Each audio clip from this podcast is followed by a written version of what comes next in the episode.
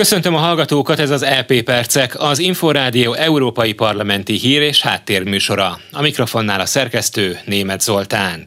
A parlament a héten elkezdődött Glasgowi klímakonferencia előtt az éghajlatváltozás ellen hozott intézkedések felgyorsítását, valamint az unió vezető szerepének megőrzését szorgalmazta.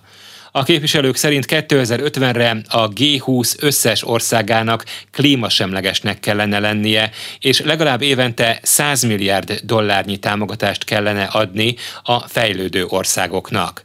A Fideszes Tóth Edina független EP képviselőt hallják. Számos tagállamban az európai emberek teljes mértékben kiszolgáltatottá váltak az energiaszolgáltatóknak, akárcsak a vállalkozások.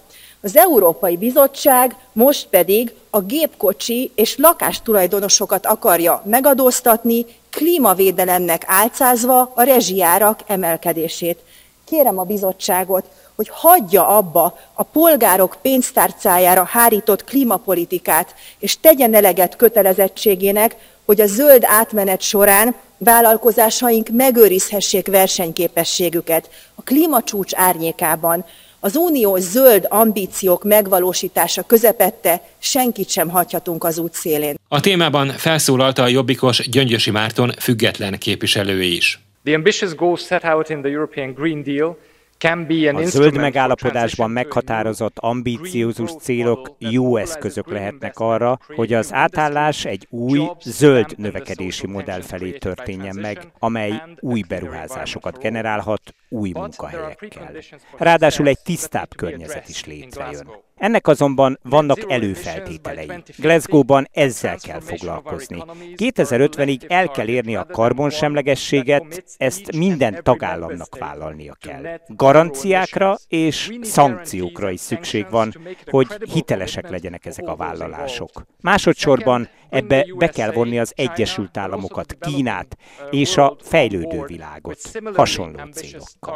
E a parlament Pascal Canfán képviselő által vezetett küldöttsége november 13-áig vesz részt a Glasgow-i klímacsúcson. Új biztosítási szabályokat fogadott el a parlament az országúti balesetet szenvedők védelmére.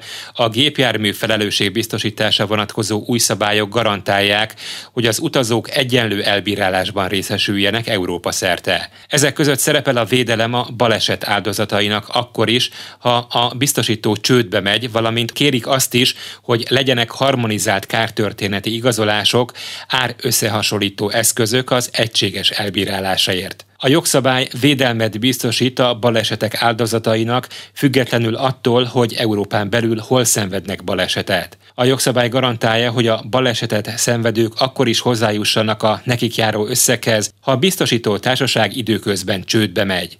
A kártörténeti igazolások harmonizációjának köszönhetően a biztosított ezentúl nem kerül hátrányos helyzetbe, ha más tagállamba költözik. Az Európai Parlamentben mindenkinek lehetősége van a saját nyelvén felszólalni. 24 hivatalos nyelve van az uniónak, köztük a magyar. A plenáris vagy a bizottsági üléseken ezért a megértést tolmácsok segítik.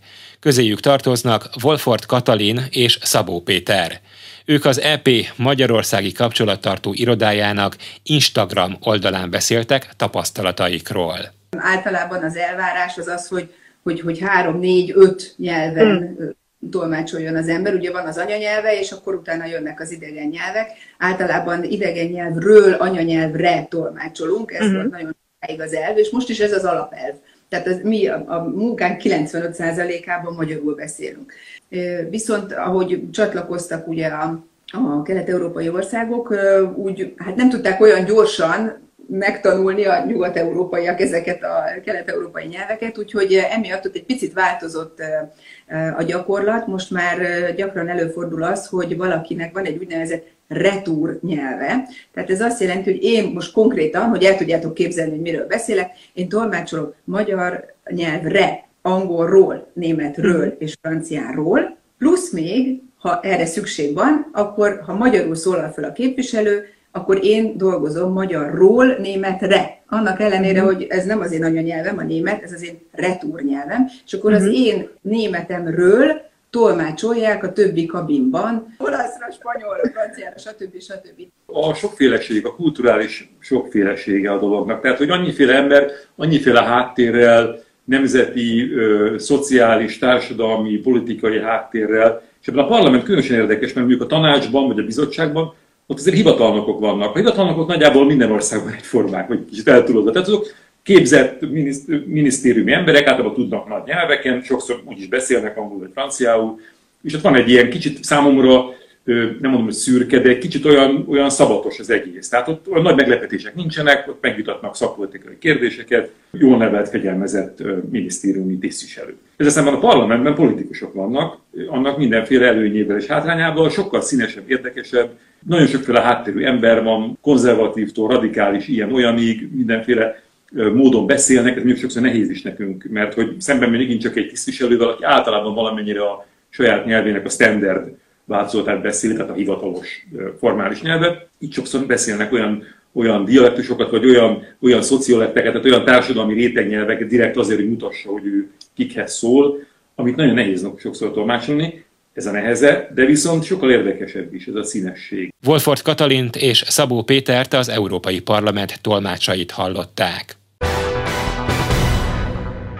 Ez volt az EP Percek, műsorunk meghallgatható és letölthető a szolgáltatók podcast csatornáin, valamint az infostart.hu internetes portál podcastok felületéről.